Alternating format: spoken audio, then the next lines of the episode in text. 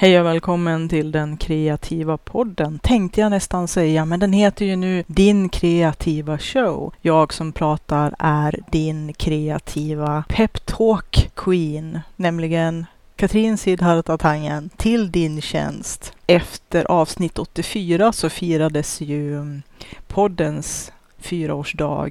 Och jag tänkte att eh, jag skulle fortsätta lite grann på spåret om poddens inriktning i det här numret tänkte jag säga. Fast i det här avsnittet heter det nog när det är en podd. Nämligen att eh, jag kommer förmodligen att vara lite tough love, som de säger på engelska. Lite tuff kärlek ibland. Jag kommer att vara en spark i bak ibland också. Det har jag väl kanske varit i vissa avsnitt. Ibland kanske inte helt PK, men till och med så PK för vissa som brukar skrika att PK är i vägen för deras sätt och deras vilja att uttrycka sig fritt på alla andras bekostnad och sådär. Jag har modererat en del nätverk och det märks eftersom att jag har en del, kanske inte helt korrekta enligt den senare tiden som jag tycker mycket dadda och klappa på huvudet tänk som kanske många gånger speglar vårt samhälle just nu. Respekt och integritet, det är oerhört viktiga kärnvärden för mig. Men det betyder inte att gå på äggskal och ta hänsyn på ett sådant sätt att allt samtal, all dialog, all möjlighet till mänsklig interaktion uteblir eller inte kan genomföras alls. Jag kommer väl att vara mitt oputsade jag. Jag får skylla på min bakgrund ifrån tung industri. Och det kommer jag fortsätta vara. Jag kommer vara mitt eget oförfalskade jag på gott och ont. Och man får gilla det eller så får man ogilla det. Man behöver inte köpa allt jag säger så tycker jag att man faktiskt ska resonera kring allt som man läser, allt som man tar in. Att vara kritisk och framförallt källkritisk. I de här tiderna när så mycket information, när det ibland är ren desinformation eller till och med vilseledande. Att eh, i de här tiderna när vem som helst kan eh, säga vad som helst och sprida vad som helst utan minsta tanke på källkritik. Så att, eh, att vara källkritisk och att att eh, ta in flera källor, det är ju oerhört angeläget i de här tiderna känner jag. Och att inte, som jag har sagt i tidigare avsnitt, skruva av huvudet och hänga in det i skåpet. Helst aldrig, men eh, definitivt inte när man tar in nyheter och sociala medier, tidningar och allt vad det kan vara för någonting. Att det finns en hel del saker bakom kulisserna som kan vara värt att fördjupa sig i ifall att man ehm, ska kunna sätta tilltro till det som man tar in. Kritiskt tänkande, det är någonting som man ständigt måste beväpna sig med och jag tror att det har blivit mer och mer angeläget än någonsin förr. Det kanske inte har så mycket försänkning i den här podden som handlar om kreativitet att göra. Men jag tror också att ett kreativt liv betyder också att man måste vara kritisk mot en hel del saker. Dels mot sitt eget sätt att tolka och ta in saker och vad man gör med den informationen eftersom att den direkt påverkar ens eget liv och ens eget mående. Och jag har tagit några beslut helt nyligen för att eh, helt enkelt försvara min kreativa själ för att försvara den personen jag är som kreativ människa. Det är ju inte det, kan låta som att det är väldigt um, utåtriktat eller så. Det är det inte alls, utan det är bara det att jag har, har successivt skalat bort en hel del. Visserligen från början är det enkelt att skala bort uh, sånt som bara stjäl tid och energi och är oväsentligt. Sen måste man ta bort delar som kanske är lite smärtsammare eller svårare att hantera som renodlade energitjuvar och energivampyrer. Sen måste man ta ett tur med sin egen skit och det är väl ungefär där som podden har kommit nu när det handlar om att ifrågasätta vad jag gör med min tid. Hur ser mitt space ut? Både det interna landskapet och det externa, det vill säga hur ser det ut i min skalle? det låter lite brutalt, men den mentala, det mentala spacet, hur ser mina omgivningar ut? Vad har jag skapat för möjligheter och utrymme? Vad har jag skapat för möjligheter och utrymmen för min kreativa själ, för mitt eget välmående? Och här kan nog alla lite till mans ibland behöva en spark tillbaka. Jag läste helt nyligen, jag har börjat läsa, jag läser om en massa böcker ständigt och jämt, men en som har kommit på tur igen det är Jeff Vandermeer som har skrivit en bok som heter Booklife, som eh, jag tycker är väldigt bra. Men i de inledande sidorna så skriver han just det här eh, med att eh, en spark tillbaka kan ju faktiskt vara ett steg framåt ibland behöver vi sådana lite till mans. Och jag kan känna, det som också kan vara lite besvärligt och som jag konfronterades med senast igår, för det är sånt där ongoing, ständigt uppkommande dilemma. Och det är ju när man har gjort massor, massor, massor med arbete, både för sig själv med sig själv och med sitt kreativa arbete, så finns det inte omedelbart någon som kan tala om Wow, vad bra, schysst, coolt. Det var ju otroligt bra gjort av dig. Alltså den här bekräftelsen att man har slitit som ett djur och åstadkommit någonting som, har, som är bra. Också för sig själv eller för sitt kreativa arbete eller i största allmänhet. Det finns ju inte alltid och som kreativt skapande människa kan man ju ofta känna sig väldigt ensam. För det är ett ensamt arbete väldigt mycket för de allra flesta. Speciellt kanske för författare, men jag tror också i många andra kreativa sammanhang så måste man ju, det man skapar, ens kreativa arbete, det är ju till väldigt stor del sånt som sker i ensamhet. Eller kanske man är i grupp, men att då gör man ändå sitt arbete ensam. Och gör man det i grupp har man ju också den både förbannelsen och välsignelsen utav att kunna ha människor som kan ge input och feedback, vilket kan vara både bra och dåligt. Bra ifall att det är konstruktivt och att man kan ta konstruktiv kritik, så det hänger ju också mycket på en själv. Men också att det är många som kanske ibland med vilje och ibland inte med vilje, utan av välvilja, kan råka såga en jäms med fotknölarna och eh, man blir bara kanske nedtryckt i skoskafterna.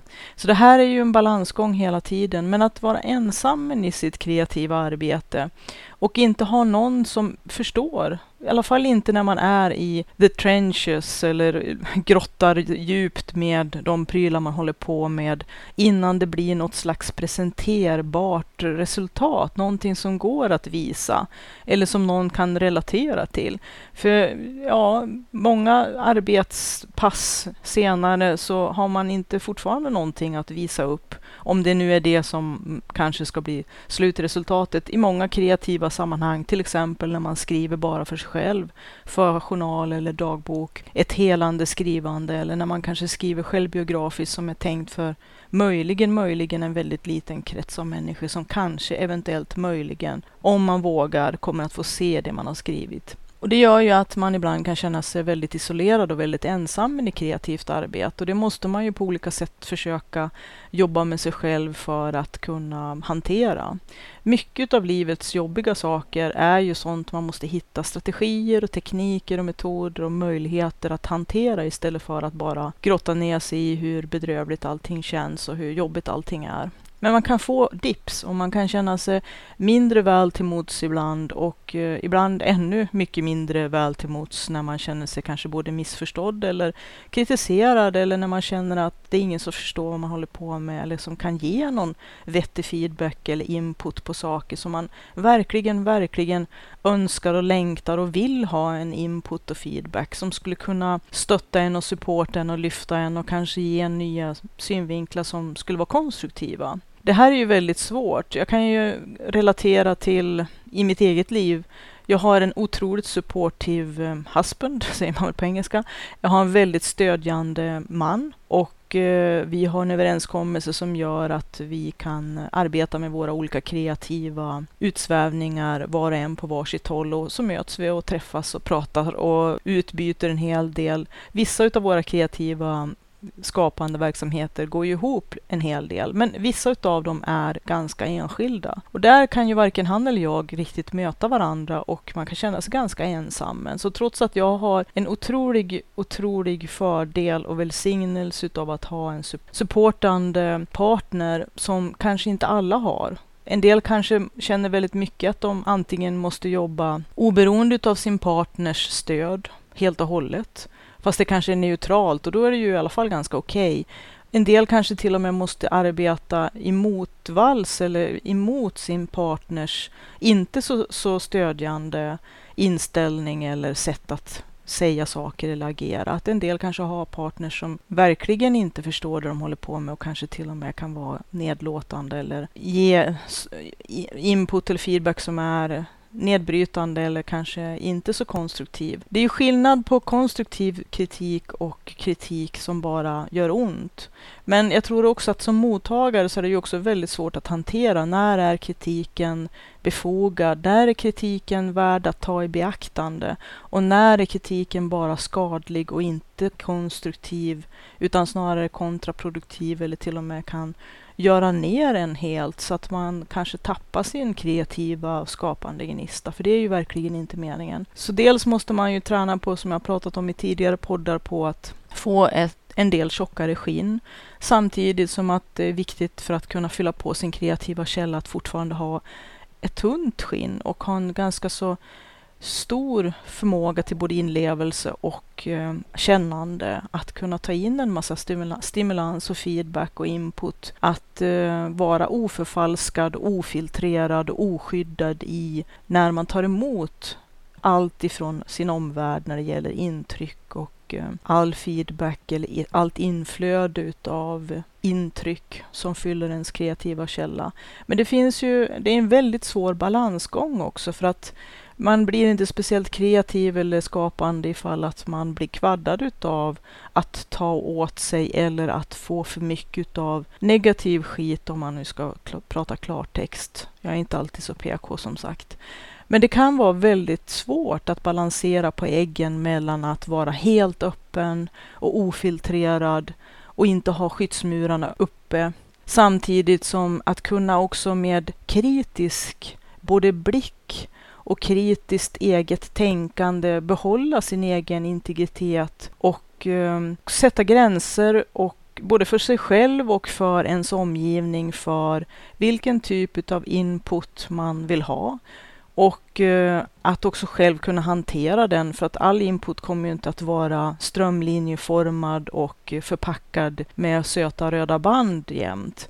Och att eh, får man bara strykningar medhårs så är ju också risken att man inte utvecklas ett dugg. Och att eh, man måste också vara kritisk mot att de som verkligen älskar en och som man är i relation med kommer att vilja fortsätta ha en bra relation med en och därför inte kan vara helt ofiltrerade förhoppningsvis. Utan försöker tänka på vad de säger men det gör ju också samtidigt att man inte får en helt oförfalskad kritik eller inflöde utav feedback och eh, andras intryck spontant.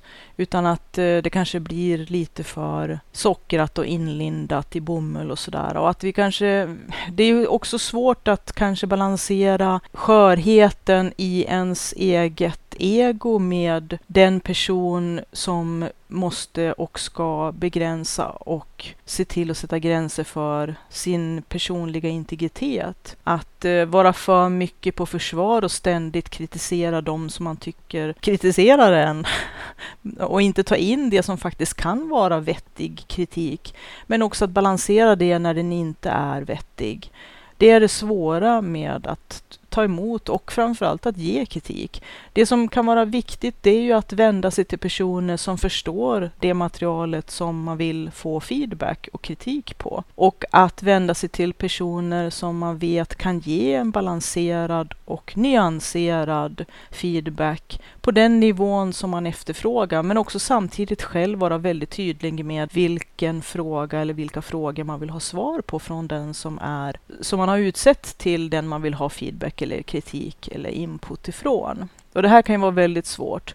Jag har läst väldigt mycket. Det igen är det ganska tacksamt att ta skrivandet som en röd tråd eller liknelse. Och det är ju det att det är många som skriver som är medlemmar i skrivargrupper. Det kan man ju vara både rent fysiskt och via nätet eller en kombo utav båda. Och jag tror att det är otroligt, otroligt bra. Väldigt, väldigt vettigt. Samma sak också att gå skrivarkurser och skrivarutbildningar. Det finns mycket fina skrivarlinjer och um, på olika nivåer högskolor med skrivande som inriktning.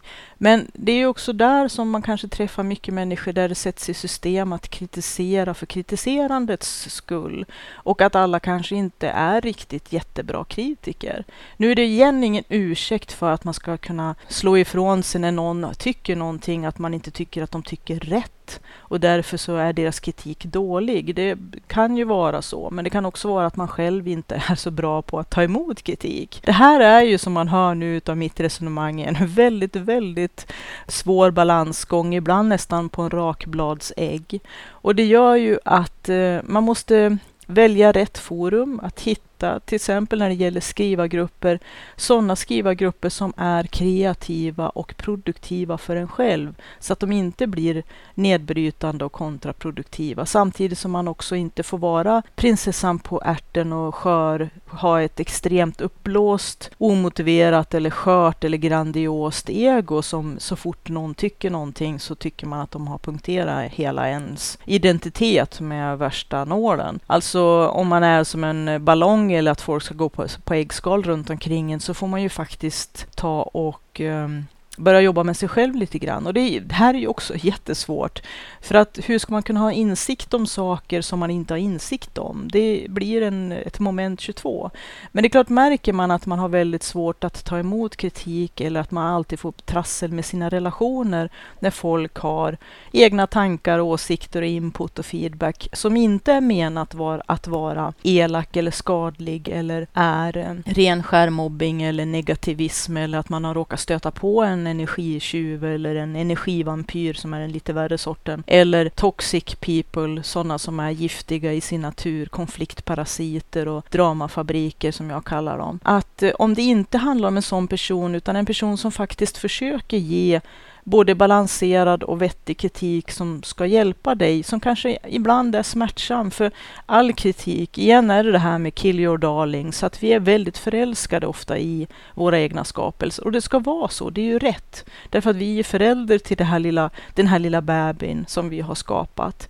Men att sen måste barnet växa upp och det måste vi också göra. Och det här är det ju lite svårt. Jag ska ju snart göra en, eller jag har redan gjort en ruskigt genomgående genomgång utav järnboken för att jag håller på och förbereder att ge ut en, en ny version utav järnboken som kommer att bli utökad med ungefär 50 procent. Så att jag har nagelfarit den så otroligt, otroligt, otroligt noga. Och på slutet är det så att man kan verkligen tugga blod för att det är, man liksom känner att det kryper i hela kroppen. Det blir så när man har umgåtts med ett manus dag och natt under väldigt, väldigt lång tid. Speciellt i de sista fem vändorna utav eh, revision. Och jag har ju redan gjort de här vändorna tidigare, men nu har det varit på en fördjupad och riktigt på nagelfarande nivå som, som eh, jag har längtat efter att få göra, men som också är oerhört krävande. Det jag också vill eh, mera än jag hade tid och utrymme då när boken från första gången skapades, att eh, princip få varenda atom rätt. Och eh, det är ju inte för att, ja, kanske lite för att jag är perfektionistisk, men det är också för att jag ville ha en sån otroligt bra grundstomme som det bara är möjligt till att jag ska göra den här överbyggnaden med 50 procent. Så att jag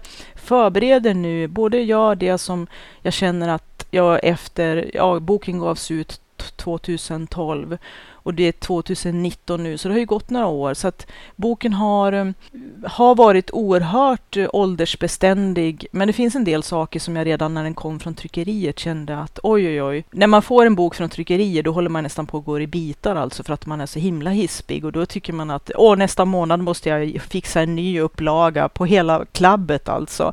För så himla hysteriskt jobbigt är det faktiskt att till slut hålla sin lilla baby i armarna och fastän att jag hade sett flera förtryck och så, så är det ändå lika traumatiskt alltså. Sen lugnar man ner sig lite grann. Men grejen är den att nu har jag verkligen nagelfarit manuset i sitt grundutförande. Eh, jag har suttit och petat nästan atomer som jag har velat skala bort. Det är lite grann som med mitt liv just nu i stort, att jag håller på att skala bort väldigt mycket av en massa saker som jag känner att det är dags att eh, få en helt ny fräsch start. Och det kommer att ta lite tid för att eh, det är så med livet. Det är ganska omständligt och man har dragit på sig en hel del. Jag tror att alla vuxna människor har ju hunnit dragit på sig en hel del, både vad det gäller materiellt och mentalt och känslomässigt och en massa saker. Och emellanåt måste man bara göra halt och eh, av med ryggsäcken och rota fram alltihop och göra upp med en del saker och eh, rensa ut i sina omgivningar när det gäller ens prylar och det gäller ens personliga relationer och det gäller en massa saker. Och jag har ju också en lång resa med tanke på den här fruktansvärda, då när jag fick mitt dödsbud och eh, en 90-procentig säker dödsdom som som tur var inte blev så, men det har varit några väldigt, väldigt tunga år med ganska mycket sjukvårdstrauma som jag har i och för sig bearbetat och det är på sin, om man säger på sin sluttamp. Men det finns väldigt mycket saker som, som ackumuleras runt omkring en människa i dens liv. Och så är det ju också när man ska verkligen ta itu med ett manus och brottas med det. Och emellanåt så får man blodsmak riktigt i munnen och känna att nu måste jag nog ta en paus och distansera mig från det här ett tag och göra någonting annat. Och så är det nog, tror jag, med allt arbete. Även när man kanske håller på att bearbeta jobbiga saker i ens, i ens bakgrund och historia och i ens omgivning och kanske man har gått igenom en del tung. Alla, tror alla människor alla som har levt ett liv har en hel del händelser, både jättehärliga, underbara och också en del svåra saker. Dödsfall och prylas, sjukdom och grejer som man måste bearbeta. Och det, det är okej okay att vara ledsen, det är okej okay att sörja, det är okej okay att gå in hårt i att försöka bearbeta. Men sen måste man ge sig själv lite slack, som jag också i perioder har känt då när det gäller min egen bearbetning. Att nu måste jag fokusera på kanske min, inte bara att mentalt bearbeta det som har hänt, utan kanske stänga av det för en liten stund och jobba på min fysiska hälsa. Att eh, återhämta mig, rehabilitera mig från att i princip nästan inte klara att stå upp till att ha komma tillbaka till mitt vanliga fysiskt starka jag och äta bättre, röra mig mer och göra hälsosamma saker och låta det känslomässiga och mentala ibland vila. Men utan att det är någon flykt i det. Men samma sak också när man jobbar med kreativa saker, att emellanåt så måste man låta arbetet vila. Som ett manus, den klassiska, det klassiska rådet är ju alltid att efter att det är klart, det första manuset, och man har kanske gjort en grov genomgång av det, låter det vila. Sex veckor minimum, kanske lite mer. Och sen ta upp det igen. För dels har man nya ögon, man har fått distans. Man har hunnit, hunnit andas och fått ny energi och gjort lite andra saker som jag tror är väldigt viktigt. Både för välmåendet och för att kunna ha en mer kritisk och mer distanserad syn på sitt eget arbete. När man är lite för nära sitt eget arbete och det här är ju också då kanske bra att ha med i tankarna om man söker kritik och input och feedback på det man har gjort. Att eh, dels ha fått andats låtit det ta lite tid, låta det ligga till sig lite grann och vila lite så att man själv får distans och kanske kan släppa lite utav de mest, eh, av de allra mest sköra och e-, egobanden till det här arbetet man har gjort och kanske få lite mera möjlighet att se det lite på håll och inte vara så känslomässigt Eh, fast i, i det hela. Som man kan vara när man är mitt uppe i arbetet och man nästan inte kan riktigt se någonting annat än just det här som man har skapat och det som man lever i och har levt i så himla länge. I alla fall när det rör sig om längre projekt som till exempel att skriva en bok eller kanske göra en mängd eh, saker som ska vara till en utställning eller vad man nu håller på med för någonting. Det kan ju vara jättemycket inom det kreativa. Och jag utesluter inte människor som jobbar kreativt inom entreprenörskap som uppfinnare, innovatörer, de som startar eget företag, som driver olika typer av verksamheter, också kanske event och sånt. Att det finns ju en hel rad ställen i livet och omständigheter och situationer, roller man kan ha som kan vara både kreativa och skapande och krävande. Att kunna ibland kunna steppa ifrån, andas lite nytt friskt syre, att det kan bli ganska instängt och eh, ibland till och med lite syrefattigt där som man är när man är som mest involverad och som mest ingrottad i det man gör. Att det finns en gräns när ens flow, det här tillståndet, när man bara flyger fram i sin kreativa skaparlust och brinner passionerat för det man gör och tiden bara flyger iväg och plötsligt tittar man upp och man, man bara oj, tiden har gått så himla fort och jag hade så himla kul och det bara forsade omkring mig och jag bara, att man känner att man är verkligen i sitt esse och att energin nivåerna är så himla höga utav allt det man tycker är härligt, att man är i en, i en adrenalinhaj och samtidigt i något slags transtillstånd. Och det är helt underbart att hamna i de här tillstånden, men efter ett tag det är ju ganska självklart att det också tär väldigt hårt på ens olika depåer och resurser. Man blir trött, man har glömt att sköta om sig, man har inte varit ute, man har inte andats frisk luft, man har kanske inte varit social, man har en hel del bitar av ens övriga liv kan ju ibland få, få stå tillbaka när man är i sina kreativa, intensiva perioder. Och det är helt okej. Okay. Men till slut kan det bli ganska instängt, syrefattigt och unket när man kanske har varit där för länge i den här bubblan, i sin egen bubbla.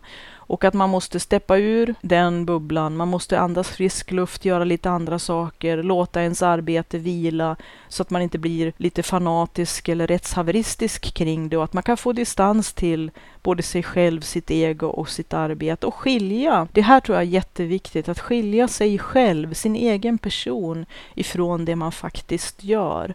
Jag är inte, min person är inte det som jag har skapat. Att när man har gett ut en bok eller målat en tavla eller gjort någonting annat som är ett kreativt, konstnärligt, artistiskt skapande eller kanske har haft ett event eller ett arrangemang eller gjort någonting som man sen inte har fått riktigt den bekräftelsen eller det stöd för eller det bemötande eller det blev inte en kioskvältare, folk rusade inte omkull mig utav um, iver och um, positiv energi över det jag hade gjort. Och, och, man kanske kan bli lite, lite putt eller kanske känna sig lite sviken eller besviken. Men att det ibland kan bli att man uh, blir förälskad i och kanske för självupptagen i det man själv har gjort, att man inte kan göra skillnad på sig själv, sin person och det man har skapat. Att om någon kritiserar min bok, då tar jag det personligt. Då är det min person de kritiserar. Nej, så är det inte. De kritiserar inte min person bara för att de hade åsikter om min bok eller att min tavla inte såg ut så som de ville eller som de tänkt att den skulle se ut. Eller vilken feedback de nu har. Att det är inte min person de kritiserar utan det är just den här grejen, att för dem är det ju oftast bara en, ett fysiskt föremål, inte en förlängning av dig som person. Och här kan det vara jättesvårt, för det vet man ju också som kreativ, skapande människa, att vi andas ju vårat arbete. Vi lever i vårt arbete. Vi går upp i vårt arbete. Vi, vi blir förälskade i våra skapelser. Samtidigt som vi också, vi kan ju både älska och hata dem samtidigt. Och ibland kan vi vara helt övertygade om hur förträffliga de är. Och andra stunder så är vi i djup förtvivlan över att vi verkligen är tveksamma kring, är det här verkligen vettigt? Finns det verkligen någon behållning för någon annan att se det här? Ska jag verkligen hålla på med det här? Här. Äh, så att man vacklar mellan de här äh, djupa dalarna och höga topparna. Men att det kan vara väldigt svårt då att ha tillräcklig distans. Så att man behöver skapa distans både till sitt eget arbete och till sig själv. Men också att rent fysiskt steppa bort ifrån, låta det gå tid också. Hur lång tid är ju svårt att säga. Vissa saker behöver längre mognadstid och så får man göra en ny vända och återkomma till det. Och vissa saker kan kräva kortare tid. Det beror på, man måste hitta hitta sitt eget sätt att arbeta. Men det som också är viktigt att tänka på det är att eh, för sig själv, man måste nog ta reda på rent praktiskt, det här är ju väldigt svårt. Det blir try and error och det kommer bli kanske en del tandagnisslan och tårar och svett och blod och, och ångest på vägen. Men att man successivt måste låta ens eh, prylar komma ut i världen ifall att det är tänkt att det ska vara så. Alla saker vi skapar och allt kreativt arbete är inte sådant att det ska visas upp eller att någon ska bedöma det eller att någon ska eller att det ska publiceras på något sätt eller visas för, för andra människor.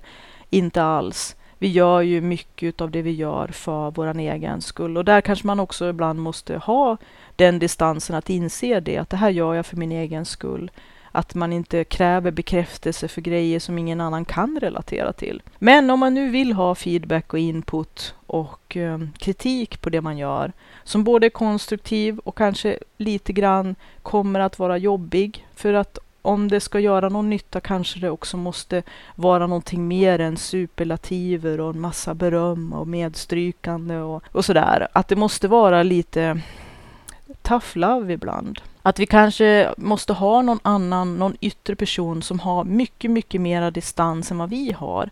Vi är ju skapare, vi är ju kreatören till det här och vi ska aldrig sluta älska det vi gör. Samtidigt som att vill vi ha någon konstruktiv kritik som är användbar så måste vi kanske släppa in människor som kan ha en, ett utifrån perspektiv ibland. Men fortfarande vara tillräckligt insatta för att veta vad det är de förmodas se och förstår själva grejen och att det är någonting inom deras eget område som de själva... Jag menar, om man nu skriver horror så kanske det skulle vara väldigt korkat att lämna över sitt eh, förstlingverk till en person som älskar romance till exempel, som vill läsa kärlekshistorier. Så räcker man över sin horrorberättelse med massvis med otäckt i och så förväntar sig man det, att den personen ska bli alldeles till sig i trasorna och komma med superlativer och hyllningsord och eh, bekräfta hur himla bra det här som man har gjort är. De kommer förmodligen att kanske i bästa fall bara räcka över boken tillbaka och säga tack men nej tack och i värsta fall kanske de läser boken och kastar den i huvudet på oss och tycker att varför tvingar du mig att läsa sånt här otäckt skit som jag verkligen hatar? Jag älskar inte horror, det är kärleksberättelser jag vill ha. Då kan det vara svårt att få den feedback och den eh,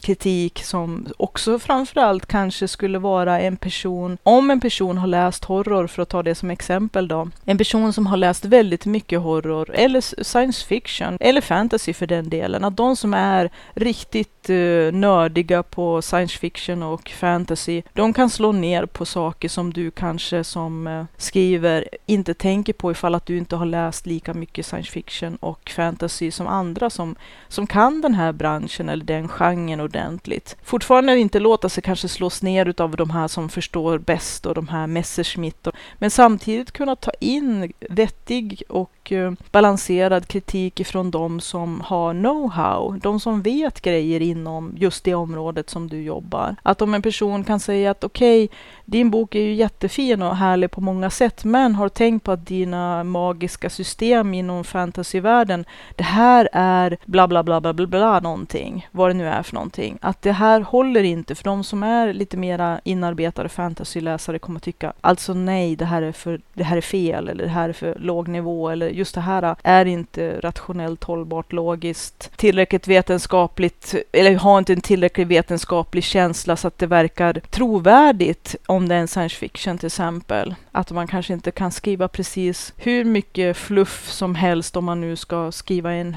som de kallar på engelska hard science fiction, det vill säga där det är väldigt mycket fokus på det tekniska och det fantastiska i, i kanske en teknologi och en vetenskaplig utveckling som ligger långt framför våran egen till exempel. Eller som är alien och är från en helt annan galax. Så då kan det vara bra att ha en ganska så kraftig egen underbyggnad utav att ha läst och fördjupa sig i just de områdena så mycket som det bara går. Och det gäller ju för alla områden, både för den som målar att kunna tekniker och oljefärger och akryl och allt vad det kan vara för någonting. Till de som är skrivande, att de kan hantverket men också sin genre ordentligt. Men någonstans måste man ju börja. Och det svåra är ju när man börjar och är ny inom någonting, det är ju det att man får en massa personer som kanske i all välvilja kommer med lite för tuff kritik än vad man är beredd att kunna hantera. Så att det jag är ute efter här nu, det är att du innan du lämnar ut ditt arbete dels känner att du har gjort så mycket som du kan för att arbetet ska vara så bra som möjligt för att kunna möta andra ögon än dina egna. Men också att du har jobbat lite med att skaffa ett lite tuffare skinn och att lämna det till rätt person. En person som kan ge dig bra, balanserad, vettig kritik och feedback och input på ett sådant sätt att det är konstruktivt och att det hjälper dig. Inte kanske välja de som skulle skulle klappa dig medhårs eller de som redan älskar dig. Jag menar att lämna boken till sin mamma kan vara jättebra för att få lite peptalk och lite personer som kommer att stötta en och vara jättepositiva. För det behöver man också, absolut. Men att om den personen absolut inte läser science fiction eller vad det nu är för någonting så kanske de inte kan ge dig bra feedback på den genren eller det område som du är kreativt skapande inom en person som inte går på konstutställningar och inte vet skillnaden mellan olja och akryl kanske inte riktigt kan ge någon sådär jättespecifik feedback mer än att de tycker att din tavla är jättevacker. Och det är klart, det behöver vi också höra, men att det kanske inte hjälper dig framåt, utvecklar inte dig som konstnär. Så att, att välja de som kan vara vettiga att ge en mera specifik och eh, uh, vettig feedback och kritik som är användbar och vara beredd att man måste stålsätta sig lite grann inför det. Det som jag tänkte komma fram till när det gäller järnboken det är att jag har ett dokument som en oerhört fördjupad och insatt person skrev inom ett väldigt, väldigt smalt område som jag bara helt briefly berör i boken. Men som den här personen är jättekunnig inom och jag vill verkligen både berika och fördjupa. För just det här smala, smala området, jag ska inte gå in på teknikaliteter, är någonting som alla skriver samma sak om. Och därför, tyvärr, också har blivit fel och alla skriver av varandra. Här har vi det här med källkritik. Eftersom att det var en smal, smal sak som jag bara berörde briefly i boken för att det inom citattecken skulle vara med, bara som ett omnämnande, så hade jag ju naturligtvis läst alla källor och kollat det här äh, så noga som det gick. Och alla skrev enhälligt på exakt samma sätt. Det som var tråkigt det var att de förmodligen hade skrivit av varandra och att ingen hade tagit reda djupare på hur det egentligen förhöll sig. Och då pratar jag om vetenskapliga arbeten, inte folk som är tyckare eller så, utan avhandlingar. Det här är ju lite nedslående och deprimerande men att man måste vara källkritisk även mot de som man tycker i sig borde vara så ruskigt källkritiska redan från början att det inte inom citattecken kan bli fel. Men fel blev det. Eller det blev inte jättefel som Magnus, om man tänker Magnus och Brasse, liksom när, när Brasse visar upp sina olika djur och man ska gissa vilka som inte hör dit och så gissar Magnus och Eva och så, sen, så säger Brasse fel, fel, fel, fel, fel. Fast inte helt fel är det ju inte. De har ju oftast väldigt bra argument bakom varför de har tyckt någonting speciellt. Men det är inte som Brasse har tänkt att det ska vara. Hur som helst en liten avstickare där. Men det tråkiga är ju att man kan inte lita på någon Samtidigt som jag också tänker att man måste förlita sig på och söka upp sakkunskap där den finns. Så jag blev oerhört tacksam för den här personen som är oerhört engagerad och brinner verkligen för det här och som bjöd in mig att föreläsa också hos sig själv i sin egen, på sin egen institution. Och det var jättefint på så otroligt många sätt. Men det här dokumentet som han skrev ligger på min dator och är Next in line som jag nu ska väga in i boken. Och jag tycker det är lite jobbigt, för jag vet att det kommer att vara väldigt, väldigt bra kritik, men också kanske saker som jag egentligen drar mig lite grann för att få veta och höra det kanske är helt ofarligt. Det här är ju lite lustigt att många gånger när vi går omkring och har en massa ågren för saker eller sätter upp de här mentala hindren eller murarna som jag har pratat om i tidigare poddavsnitt så kan det visa sig när det blir dags att det var att vi har oroat oss alldeles, alldeles i onödan, att det inte var så dramatiskt. Och det tror jag att det kommer att bli det här också.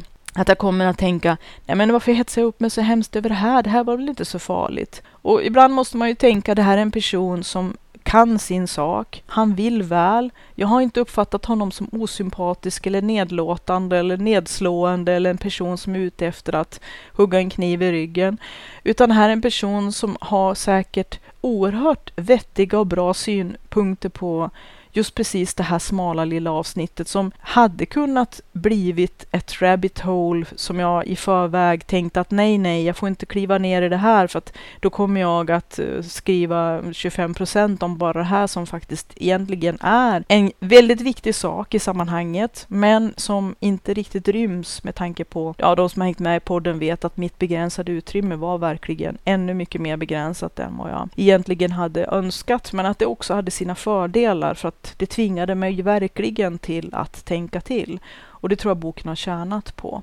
Så ibland kan ju faktiskt kritik man är rädd för och eh, omständigheter som begränsar en på ett sätt som man kanske inte hade tänkt sig från början eller önskat kan vara väldigt utvecklande. Det är bara det att vi måste, vi måste kanske släppa taget lite grann. Vi måste frigöra oss. Kill One's Darlings kommer tillbaka hela tiden lite grann som en eh, röd tråd här, fast i lite olika betydelser. Det betyder inte samma sak varje gång jag nämner det. Men att också kanske kunna frigöra sig ifrån sina redan satta uppfattningar att uh, kunna skifta vinkel och att vara mer flexibel i sitt eget tänkande. Att det är väldigt lätt att uh, köra fast eller bli fixerad eller bara se allting ur, ur, sin egen ensidiga synvinkel. Att man måste bredda perspektivet, man måste steppa bort ifrån, måste få distans, andas lite ny friskt syre, kanske nytt friskt syre någon helt annanstans och att sen kunna både stålsätta sig men också kanske ha skaffat mera, mera skinn på näsan och en mer balanserad syn på det man gör.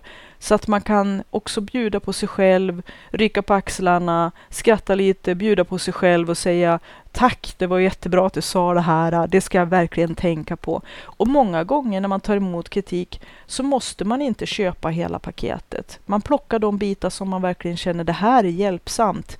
Det här för mitt arbete framåt. Det här är väldigt utvecklande. Och det här kanske är lite jobbigt att få höra och få veta, men jag förstår och inser att jag måste ta, det här, ta fasta på det här. Därför att det här är kanske sakkunskap eller en vy eller en vinkel på någonting som jag själv har antingen kanske helt och hållet brustit i eller inte alls har. För att om man inte har insikt i någonting kan man inte ha insikt i någonting som man inte har insikt i. Det är det som är lite grann moment 22 här. Så att, att kunna frigöra sig från sig själv och sitt eget ego och sin kanske både hatförälskelse och fixering vid sitt eget eh, skapade verk kan vara en smärtsam men väldigt utvecklande väg som man måste ta som jag tror också att man växer som person och människa. Jag pratade i tidigare avsnitt om när jag jobbade i tung industri och eh, hade ett jobb där jag eh, mycket arbetade med att göra information tillgänglig för andra.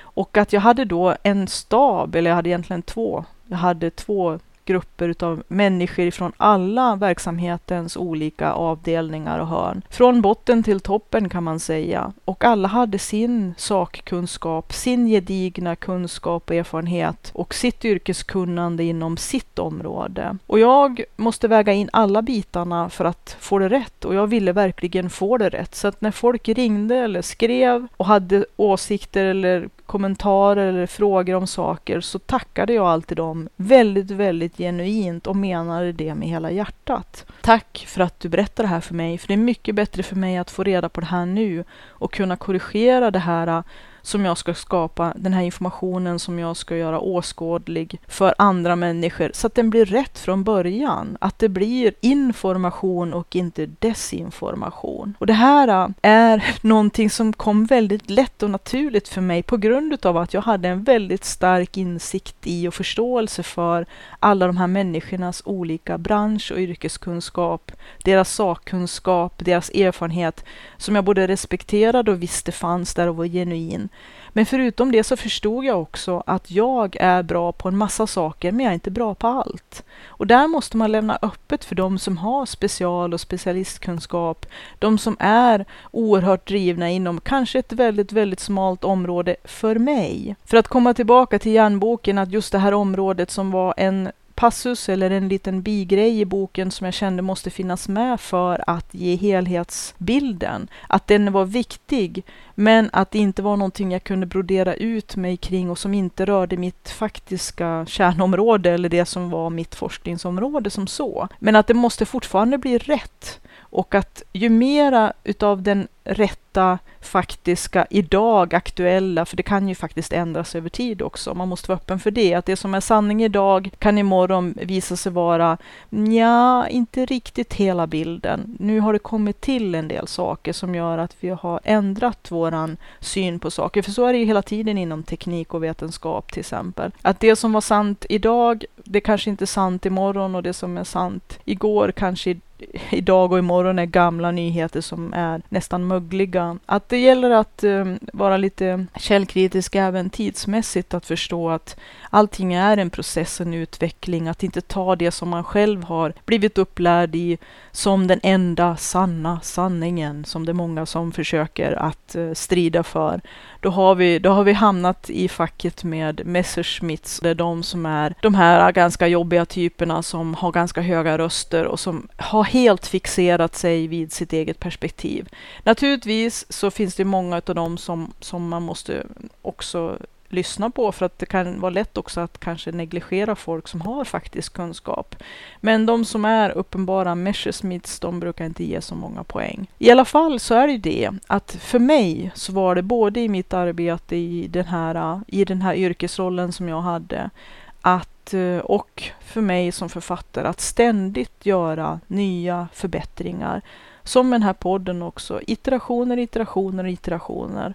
Att hela tiden förbättra både det man själv kan och det man vet och att man får mer och mer erfarenhet och skaffa sig utbildning, utvecklas, skaffa mer kunskap, rådgör med andra, tar in av andra, tar in vad andra kan, vad andra vet, ha mycket samtal och lyssna in, att vara öppen för och inte bygga upp så många mentala och eh, psykiska eller känslomässiga hinder, inte filtrera allt som andra säger utifrån utgångspunkten att de har fel eller att de är dumma i huvudet eller att de vill en illa bara för att de kanske inte köper hela ens paket eller för att de kanske har kritik eller har åsikter.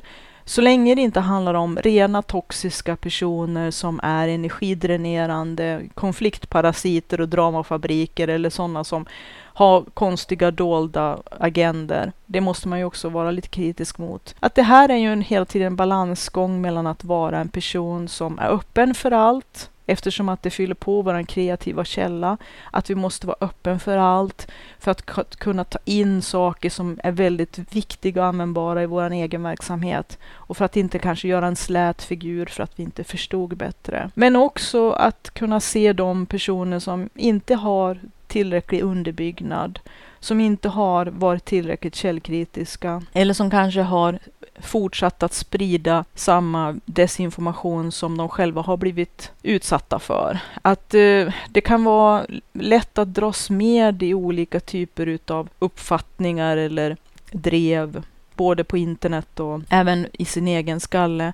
Att man kanske för okritiskt köper alldeles för mycket av någonting därför att det är någonting som kanske har prickat in någonting utav ens egna ömma punkter på något sätt. Och då är vi ju lite grann tillbaka till där den här podden började. Och det kanske är lite mystiskt sätt att sluta en podd på, men det blir i alla fall någonting att fundera på. Jag hoppas du har haft behållning av den här podden och eh, du får gärna stödja den genom att gå in på www.sidharta.se ziddharta.se och klicka på länken bidra. Man kan bidra på alla möjliga sätt. Man kan ge ett ekonomiskt bidrag. Hostingavgifter kostar en hel del. Och man kan eh, sprida podden. Man kan ge den bra betyg också. Allt det där är jätteviktigt för mig och då skulle jag bli väldigt glad om du skulle vilja göra det. Jag heter Katrin Sidhartatangen. Jag är författare och järnsmed, bland annat. Jag driver en webbshop och jag har arbetat och fortsätter att arbeta kreativt. Ibland i rent självförsvar. Ha det gott!